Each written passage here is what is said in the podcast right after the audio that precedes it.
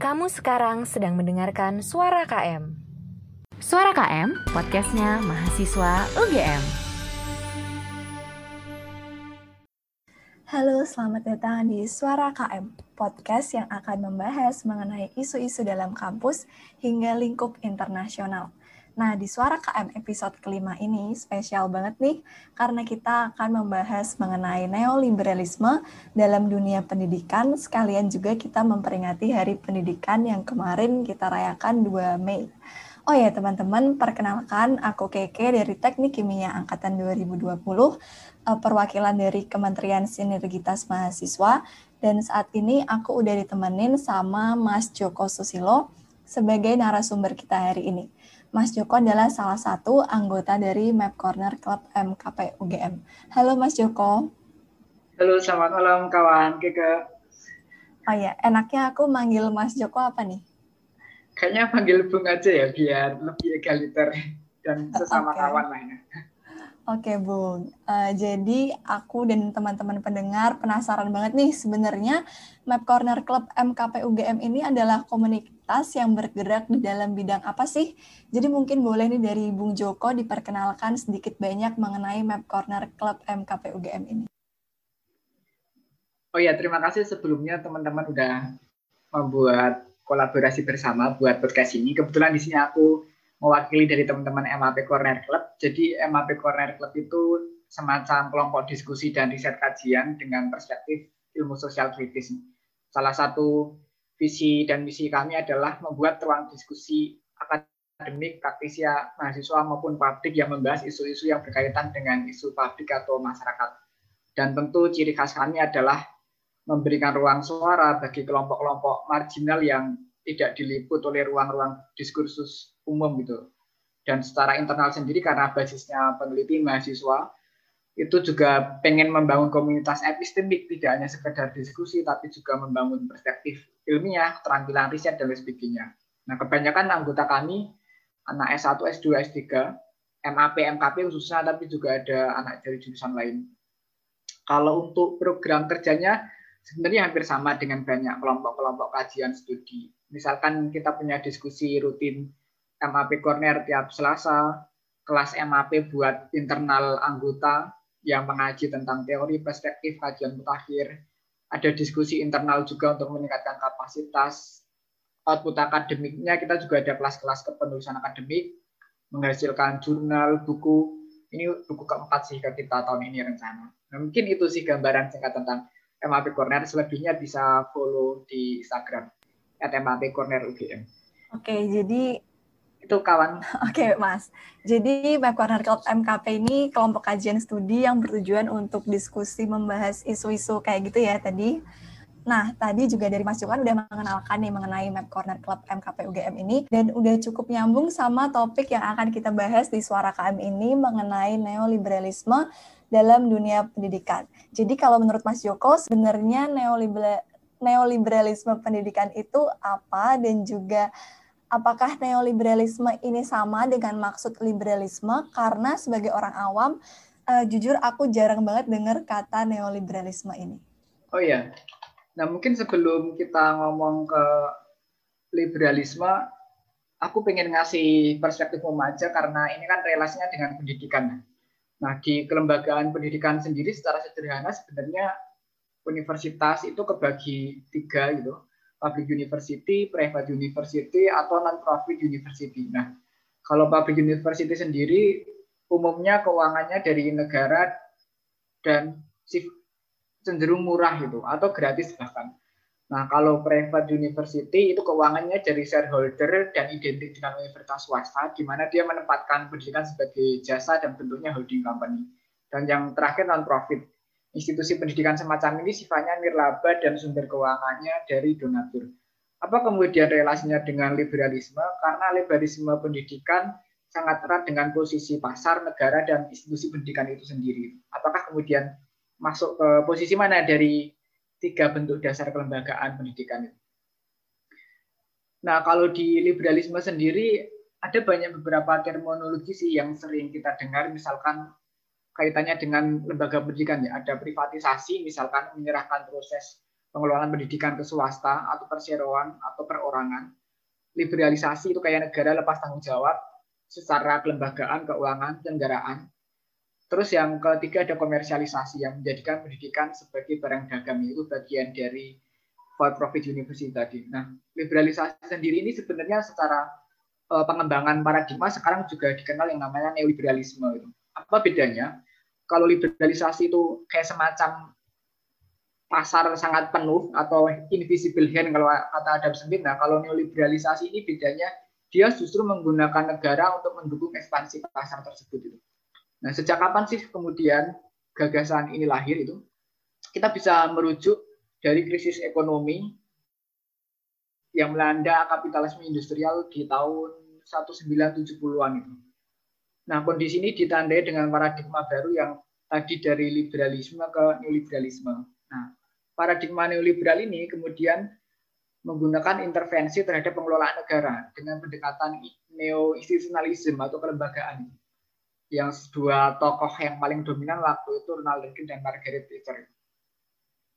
Nah, apa kemudian secara taktis yang dilakukan yaitu melakukan reorganisasi ulang terhadap apa ya pengelolaan struktural pasca krisis bagi negara-negara berkembang itu. Sekaligus bahwa mereka perlu politik negara peran negara untuk mempertahankan dan memproduksi relasi kapital itu.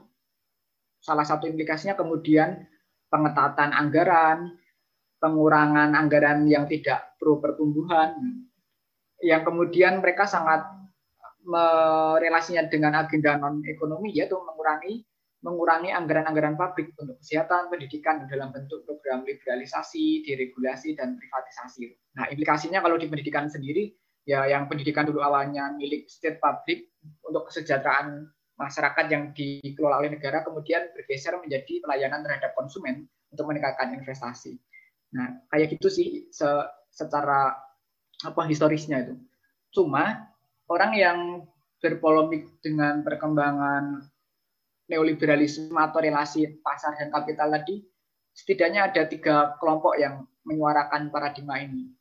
Nah, bagi kelompok-kelompok kanan atau kelompok-kelompok neoliberal, mereka menawarkan apa yang sering disebut sebagai knowledge ekonomi atau ekonomi berbasis pengetahuan atau ekonomi berbasis inovasi yang salah satu gagasannya bahwa pengetahuan lembaga pendidikan itu perlu menghasilkan ide-ide baru dan mengubah produk dalam produk maupun layanannya dalam bentuk komersil itu guna meningkatkan semacam standar hidup ataupun pertumbuhan ekonomi.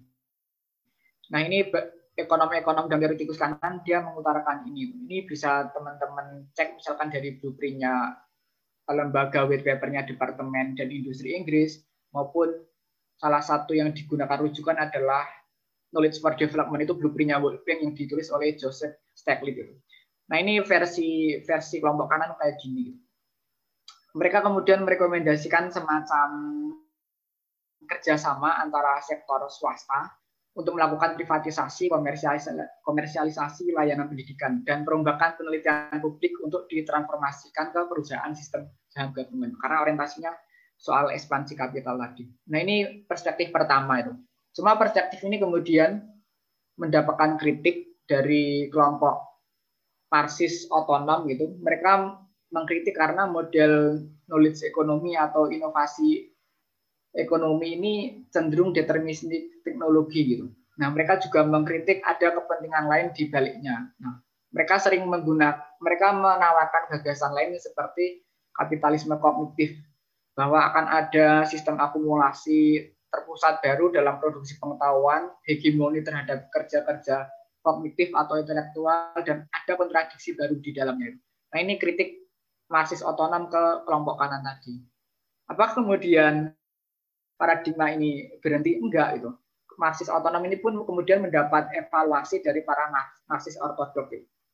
Yang salah satu rujukannya bisa teman-teman baca tulisannya Ben Venn atau Kalinikos yang dia menganggap kapitalisme kognitif yang ditawarkan oleh para Marxis otonom ini misinterpretasi apa misinterpretasi itu dan ada dualistik mengenai interaksi antara kerja kognisi atau konsepsi dengan kerja industri. Mereka menggunakan klaim bahwa sampai hari ini kerja yang paling dominan itu ya kerja-kerja real gitu, industri tradisional real material itu yang menggunakan yang masih masih signifikansi yang lebih besar dominan ketimbang kerja kognitif. Nah, atas kritik ini kemudian eh, kelompok Marxis ortodoks menawarkan yang dibutuhkan itu bukan kapitalis kognitif kapitalisme teorinya, tapi teori pengetahuan kognisi di dalam kapitalisme kontemporer atau tah, bukan teori tahap baru kapitalisme tapi bagaimana relasi kapitalisme neoliberal itu di dalam pengetahuan. Nah ini perdebatan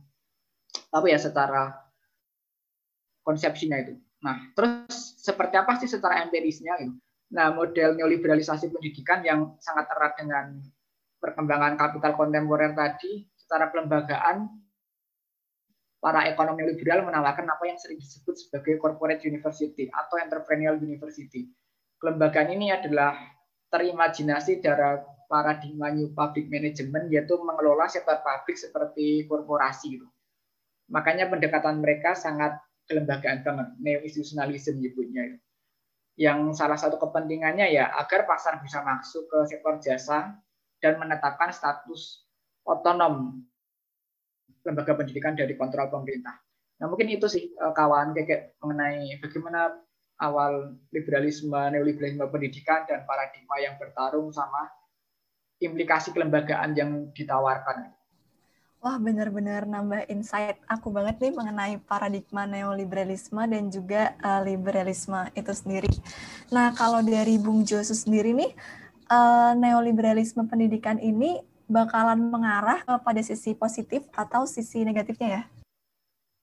Nah, karena mungkin sisi positif dan negatif itu sangat abstrak, mungkin aku pengen nge-sharing bagaimana kemudian kelompok yang kontra terhadap gagasan ini dan pro yang mendukung. Nah, aku mulai dari yang pro dulu ya. Bagi kelompok yang pro terhadap neoliberalisasi pendidikan, itu berawal dari standing position bahwa ya hari ini kayak Indonesia itu mengalami ketertinggalan pendidikan dan maka cara perbaikan untuk meningkatkan daya saing pendidikan ya dengan otonomikan dalam tanda petik dan memandirikan. Nah, otonomi dalam hal ini nanti sifatnya sebenarnya keuangan itu karena ada perbedaan klaim otonomi dalam konteks Indonesia pendidikan antara otonomi kebebasan akademik dengan otonomi keuangan. Nah, umumnya model corporate university tadi yang di Indonesia sering disebut sebagai BAMM atau PTNBA, dia otonominya di level anggaran itu karena kontrol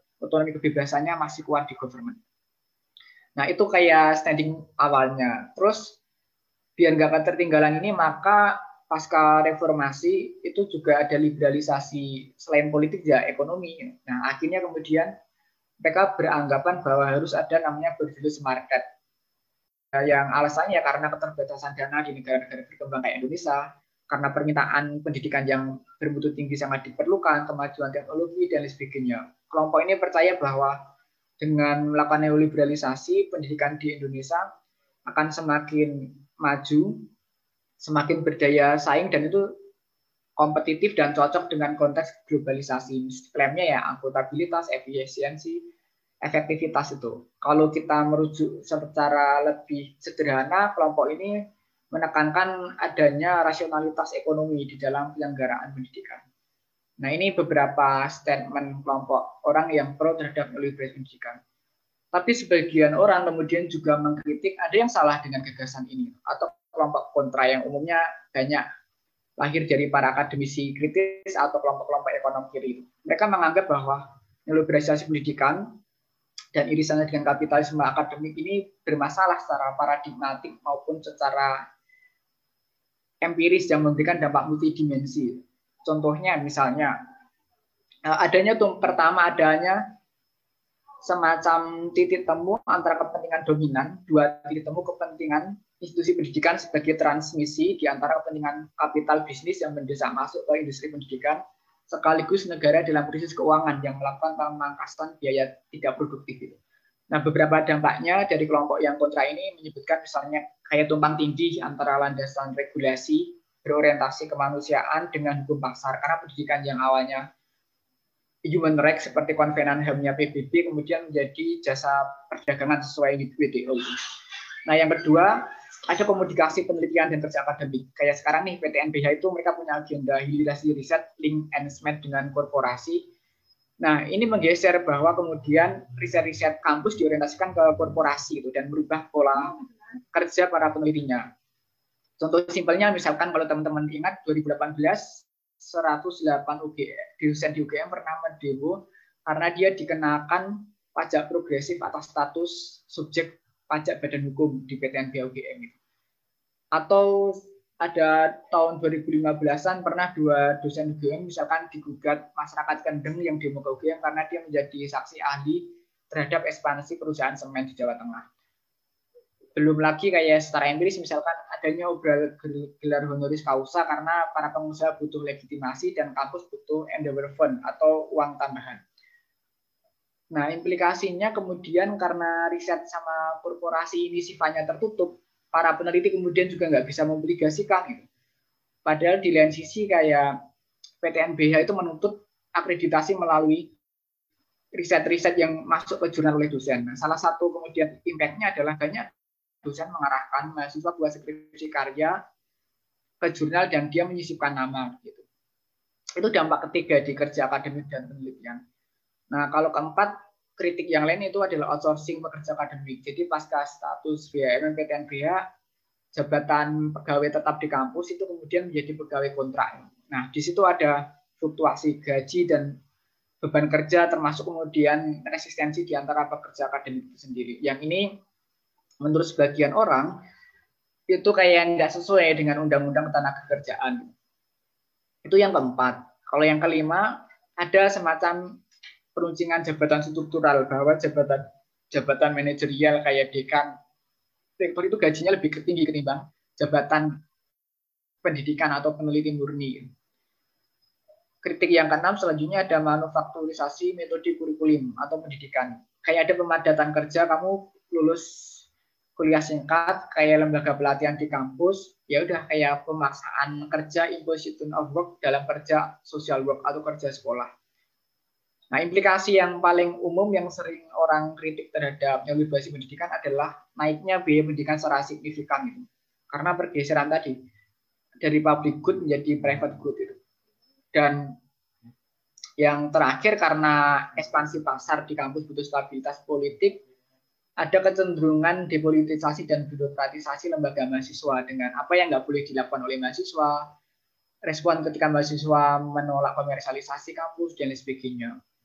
Yang secara umum kemudian model komersialisasi neoliberasi pendidikan ini dianggap membuat kampus menjadi tidak humanis, dehumanisasi, membuat pekerja sivitas akademiknya semakin individualis atau insularity, dan terjadi precarity itu kayak semacam ketidakpastian si mahasiswa ini sebagai calon pekerja di pasar kerja fleksibel mau kayak apa.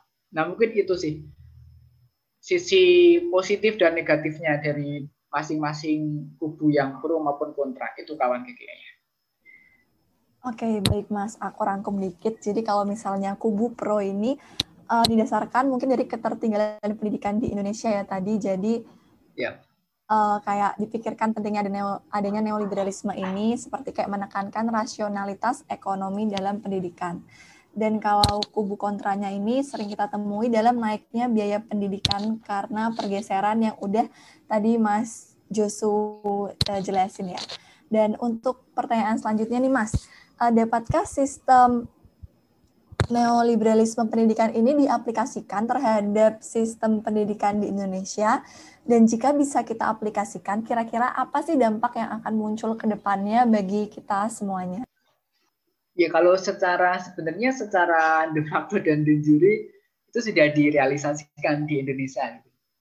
Ini bisa ditandai misalnya Indonesia sendiri sudah meratifikasi peraturan WTO mengenai perdagangan jasa pendidikan yang kemudian diundang-undangkan melalui UU nomor 7 tahun 94 tentang pengesahan Agreement Establishing the World Trade Organization.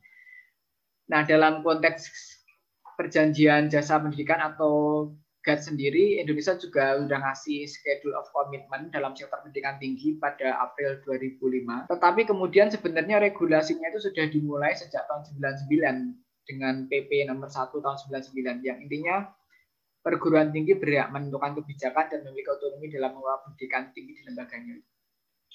Nah, sebenarnya ini juga berkorelasi karena sifatnya liberalisasi pasar ya ini juga di waktu yang bersamaan waktu itu ada undang-undang penanaman modal asing juga ada penggunaan tadi mengubah PTN State University menjadi Corporate University. Ada undang-undang BHP waktu itu dan sempat digagalkan, habis itu dikanibalisasi lagi dengan Undang-Undang Pendidikan Tinggi nomor 2012 tahun 2000 nomor 12 tahun 2012. Nah, kalau ditanya aplikatifnya ini sudah diaplikasi dengan adanya regulasi itu dan kelembagaannya.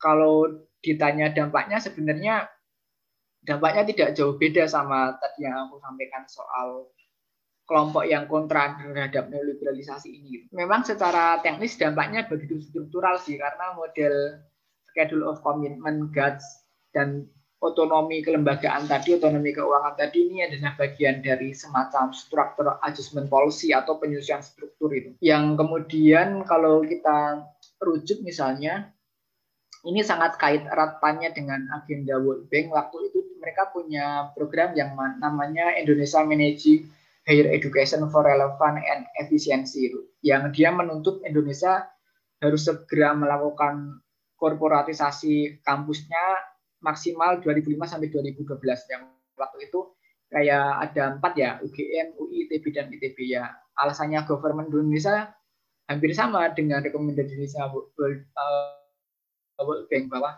sektor yang tidak produktif harus dipangkas kayak subsidi itu harus harus dikurangi biar kompetitif. Nah kayak gitu sih kawan kakak yang implikasinya. Implikasinya jelas di kerja akademik di kurikulum dikenaikan biaya pendidikan intervensi sektor bisnis ke universitas. Nah, implikasinya kayak gitu. Oke, baik. Jadi neoliberalisme ini sudah diterapkan di Indonesia dan sebenarnya regulasinya sudah dimulai dari tahun 1999 ya, Bung? Oh ya, oh ya, oh. Nah, tadi aku lupa menyebutkan sebenarnya model model perdagangan jasa pendidikan itu ada empat ya, yang udah efektif dilakukan di Indonesia.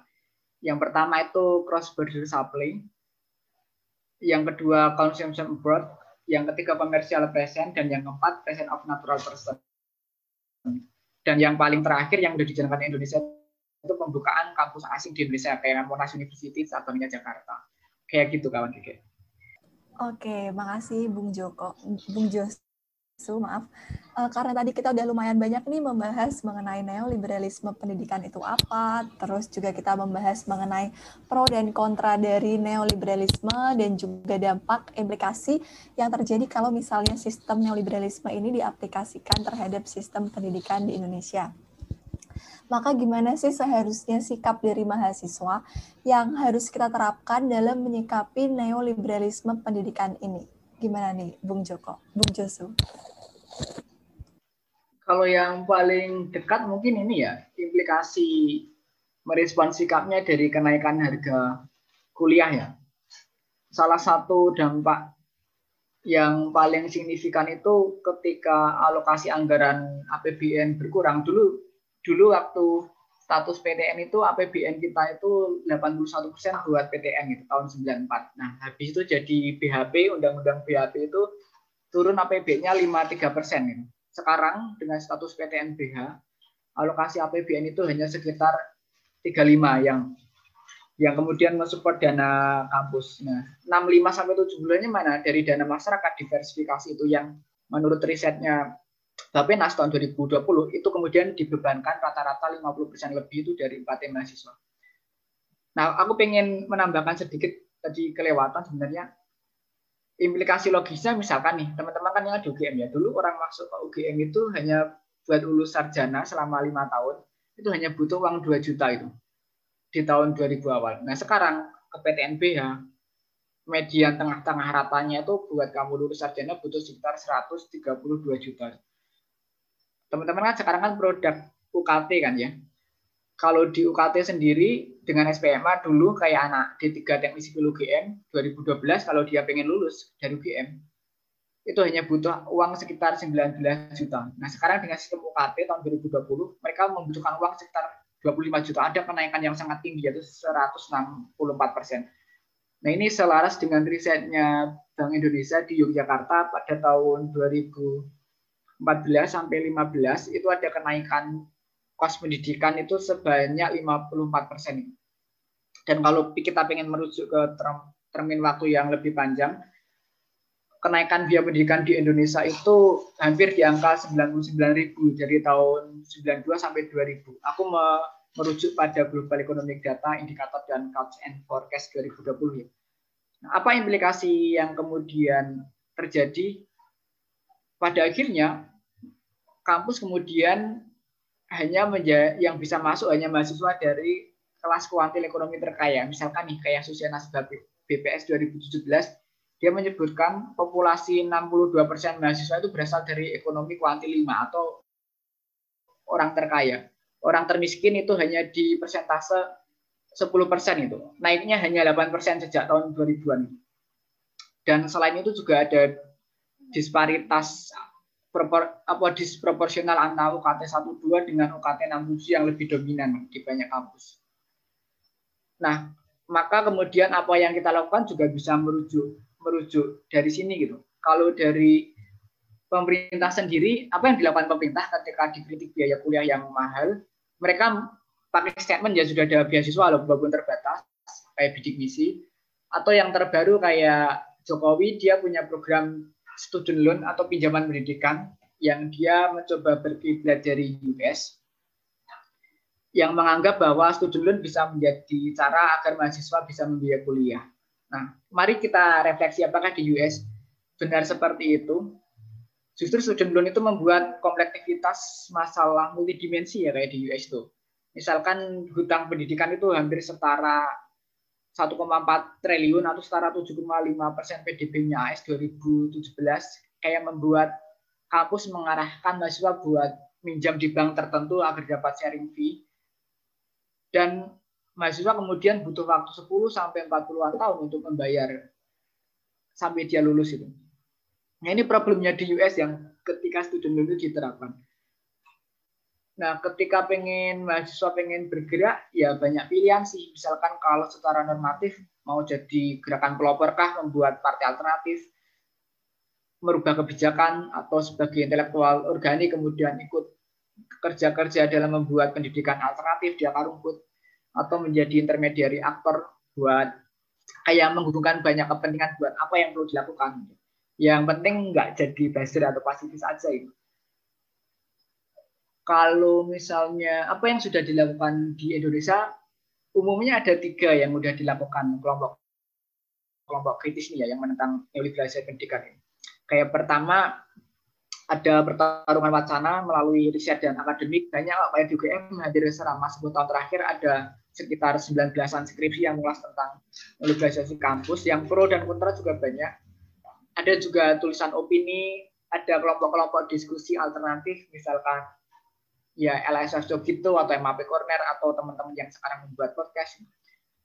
Selain itu juga versi kedua ada beberapa teman-teman memilih jalur legislasi ya judicial review dari undang-undang BHP sampai undang-undang perguruan tinggi tahun 2, nomor 12 2012 itu se, kalau nggak salah ada tujuh kali JR yang walaupun itu semua gagal dan yang ketiga ada juga uji materi ke Kemenristek Dikti. Anak hukum UGM itu kalau nggak salah. Oh iya antem teman Andri waktu itu. Dia melakukan GR tapi juga gagal. Dan yang terakhir model aksi massa atau okupasi. Dari model aksi sehari dua hari atau yang paling besar kalau di BM Pesta Rakyat 2016 yang dia hampir masanya 15.000 dan ya cukup menunda kenaikan UKT dan tidak ada kenaikan biaya kuliah termasuk solidaritas dengan para pekerja kampus. Cuma memang e, tiga pendekatan ini tuh sangat ini sih, sangat parsial gitu. Kan misalkan nih yang bertarung di level opini, kadang mereka nggak punya lembaga, akhirnya nggak sustain atau terkurung diskusinya di kampus sehingga nggak meluas. Kalau yang kayak teman-teman yang memilih judicial review, kadang mereka nggak punya jaringan strategis ke MK, kurang basis massa dan dilemanya undang-undangnya DGR itu ada final and binding namanya. Kalau udah ke berhasil DGR kadang ada kanibalisasi baru kayak UU BHP tadi. Government membuat undang-undang pengganti walaupun substansinya sama. Tapi kalau udah berhasil akan sangat susah kemudian diajukan lagi. Itu kayak pengalaman ketika yang memilih jalur JR. Nah, kalau yang di masa aksi, kadang kelemahannya ini ya, kayak keberlanjutan gerakannya, kadang aksi yang luas dengan front bersama itu konflik individu, atau mahasiswa terglorifikasi, ya aku pengen aksi ke lokal kampus saja, nggak mau keluar. Gitu. Atau yang paling miris sebenarnya kayak di akhir-akhir ini, kita sering kayak semacam fenomena selektivism, kayak orang ikut aksi ya nggak ikut ke lapangan tapi hanya klik share klik share kayak digital activism. Aku sekali nge-share ya aku udah dianggap paling berperan. Bahkan penyakitnya lain kalau di lapangan ada namanya kayak fenomena kolektif joy. Orang hanya ikut aksi ke lapangan hanya buat story, nggak tahu tuntutannya. Ini beberapa pengalaman sih dari bagaimana kelompok-kelompok kritis lintas akademika melawan neoliberalisme pendidikan. Walaupun kemudian kayak perlawanan mereka mendapatkan represi ya kayak represi fisik, represi akademik kayak DO, pembekuan lembaga kampus, atau diundang dengan politik meja makan biar lebih lunak. Atau kalau berdebat sama dekan rektor, mereka pakai kayak semacam taktik moralisme, bapaisme kayak ya kamu mahasiswa itu nggak boleh menggugat, aku dekan rektor itu orang tuamu gitu. Mereka kayak membiaskan posisi publiknya yang dikritik oleh warga kampus dan yang paling efektif menurutku eh, birokrat kampus kemudian mengisolasi basis gerakan oposisi ini ke level fakultas atau departemen sehingga nggak ada koalisi luas. Nah mungkin itu sih beberapa gerakan kritis mahasiswa di Indonesia yang pernah dilakukan kawan gitu. Oke, baik Bung Josu. Jadi uh, udah banyak banget nih pendengar yang kita bahas bareng sama Bung Josu. Mungkin aku mau memberikan sedikit kesimpulan. Jadi, neoliberalisme ini merupakan paradigma berpikir serta kebudayaan yang pada saat ini nih sedang naik daun di sistem berpikir dunia. Lahirnya sistem paradigma neoliberalisme ini akhirnya juga mendasari berbagai perubahan yang cukup besar dalam kultur maupun juga peradaban dunia barat, tak terkecuali dalam dunia pendidikan dunia pendidikan yang memiliki posisi yang sangat strategis dalam sistem struktur, kebudayaan mau nggak mau juga harus tetap menyesuaikan dengan keadaan bahwa adanya tuntutan uh, mengenai sistem paradigma neoliberalisme ini. Dari neoliberalisme juga terdapat banyak pro dan kontra yang udah dijelasin sama Bung Josu tadi, sehingga mahasiswa kita bisa sehingga sebagai mahasiswa kita nih juga bisa menyikapinya mungkin dengan menjadi pelopor dalam pergerakan, lalu juga bisa membuat pendidikan alternatif dan sampai saat ini juga sudah banyak mahasiswa yang sudah bergerak dalam uh, menolak neoliberalisme pendidikan seperti melakukan pertarungan wacana mengenai liberalisme kampus, membuat kelompok diskusi alternatif dan ada juga yang uh, melakukan aksi ya. Nah, untuk menutup podcast kita hari ini, mungkin boleh dari Mas Joko kalau ada tambahan dan juga mau memberikan closing statement-nya. Ya mungkin tambah aku sebenarnya isu ini tuh udah kayak menjadi gerakan global sih. Mungkin aku izin menambahkan sedikit soal bagaimana kemudian teman-teman kita di negara lain dalam merespon ini. Misalkan kalau di US, mereka para cinta akademika di Stanford, Harvard itu membuat kayak semacam massive open online course yang dia membuat kuliah gratis secara online yang salah satu aplikasinya edX atau University of the People. Kalau yang kedua kayak teman-teman di Eropa di level wacana dia punya namanya European Education Forum. Jadi kayak forum anti neoliberalisme pendidikan yang itu diselenggarakan ketika ada pertemuan para menteri-menteri pendidikan di Amerika itu, eh, di Eropa. Nah, model ketiga ini solidaritas yang lebih luas sih. Kalau di Perancis dia punya komite kampus, kalau di Inggris dia punya serikat pekerja akademik yang hampir anggotanya di atas 130 eh, ribuan ya, yang dia bersolidaritas tentang gaji pegawai akademik, bersolidaritas ke mahasiswa. Atau mungkin yang keempat, kita bisa belajar di Chile karena hampir mirip dengan Indonesia. Mereka punya front populer yang berisi mahasiswa, dosen, anak SMP, anak SMA yang terkenal dengan revolusi pinguin atau Chilean Discontent Movement yang dia menuntut pendidikan gratis yang murah, inklusif, yang dia kemudian mewakilkan mahasiswanya di parlemen, merubah kebijakan tersebut di level regulasi dan programnya. Atau misal yang bisa imajinasi yang bisa kita lakukan, misal kayak pajak progresif tuh. Eh, kampus-kampus di Jerman, Eropa Utara gratis karena dia punya pajak progresif hampir di angka 36 sampai 49 persen, di mana pajak itu kemudian buat membiayai pendidikan tinggi termasuk kesehatan dan sebagainya. Nah mungkin potensi ini juga bisa kita imajinasikan di Indonesia ya, mengingat kayak Indonesia sekarang gap kesenjangan gizinya tinggi, gap penguasaan sumber dayanya sangat tinggi, kayak satu persen orang berdasarkan riset Lowry Institute menguasai 100 juta, setara 100 juta pendapatan orang termiskin itu. Atau konsumsi top 5 persen orang di Indonesia setara dengan 67 persen konsumsi nasional. Itu kan ada sirkulasi sumber daya yang hanya dimiliki elit kan. Nah, mungkin pajak progresif ini bisa bisa menjadi alternatif. Kalau penutupnya banyak pergerakan yang sudah digunakan di Indonesia tadi aku sudah nyebutin masih komparasi apa yang kemudian belum dilakukan menurutku penting teman-teman gerakan di Indonesia punya komite kampus di level universitas maupun fakultas yang terdiri dari senat, pekerja akademik dan serikat mahasiswa.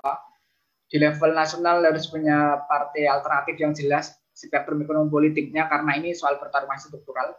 Di level government sebenarnya Undang-Undang 45 dan sila kelima Pancasila, keadilan sosial berseluruh Indonesia itu sudah mengafirmasi agar negara ngasih layanan pendidikan yang untuk semua atau bisa menggunakan semacam Universal Education Program jaminan pendidikan nasional gratis lewat pajak progresif tadi atau bisa ngasih afirmatif action misalkan anak kuantil ekonomi 1 2 dikasih kuota dominan di kampus. Itu mungkin dua hal di government dan gerakan yang perlu dilakukan. Kalau di level peneliti, penelitian kita tentang neoliberalisasi kampus, ekonomi politik kebijakan masih terbatas. Jadi harus semakin banyak riset membahas ini biar punya komparasi karena tiap internal kampus punya kas birokrasi politik yang berbeda, tapi kita bergerak dalam ekosistem problem yang sama, struktural neoliberalisasi tadi atau meriset tentang relasi kampus dengan korporasi soal biaya biaya riset developmentnya, bagaimana kemudian resiko terhadap eksternalitas ini. Itu mungkin dua snack yang mungkin bisa kita lakukan bersama itu. Kalau merangkum dari hal tadi ya bagian neoliberalisasi pendidikan, kapital itu adalah bagian dari struktural struktural adjustment policy, jadi harus ada rivalitas di level struktural dan banyak negara sudah mencoba alternatif praksis lain perlu kita untuk mencoba kembali. Sebagai penutupnya mungkin closing statement dari aku ya bahwa pada akhirnya model neoliberalisasi itu adalah bentuk dari logika modal sehingga oleh karena itu perjuangan untuk universitas yang lebih baik itu tidak bisa dipisahkan dari gerakan melawan kapitalisme global itu sendiri dan tentu membuat sejarah itu nggak cukup buat menyandarkan pada niat baik dan kemauan harus butuh masa yang terorganisir dan manifesto politik alternatif yang jelas dan terukur diwujudkan. Mari bersama bersolidaritas, saling jaga untuk semua. Kita bisa merubah peradaban menuju pendidikan untuk semua, demokratis, humanis, dan kerakyatan. Education for all, from the money not the few. Education is human right, not privilege. Mungkin itu dariku. Terima kasih atas ruang dialognya. Oke, baik Bung Josu. Uh, terima kasih Bung Josu atas kesediaannya untuk datang dan berbagi cerita serta pengetahuan mengenai neoliberalisme ini dalam dunia pendidikan. Dan untuk teman-teman pendengar, terima kasih sudah mendengarkan suara KM dan tetap pantengin terus Spotify kita dan media sosial BMKM UGM karena kita akan selalu membahas dan mengawal isu-isu dalam lingkup kampus hingga lingkup internasional. Sekali lagi, terima kasih dan sampai bertemu di episode selanjutnya. Terima kasih semuanya. Suara KM, podcastnya mahasiswa UGM.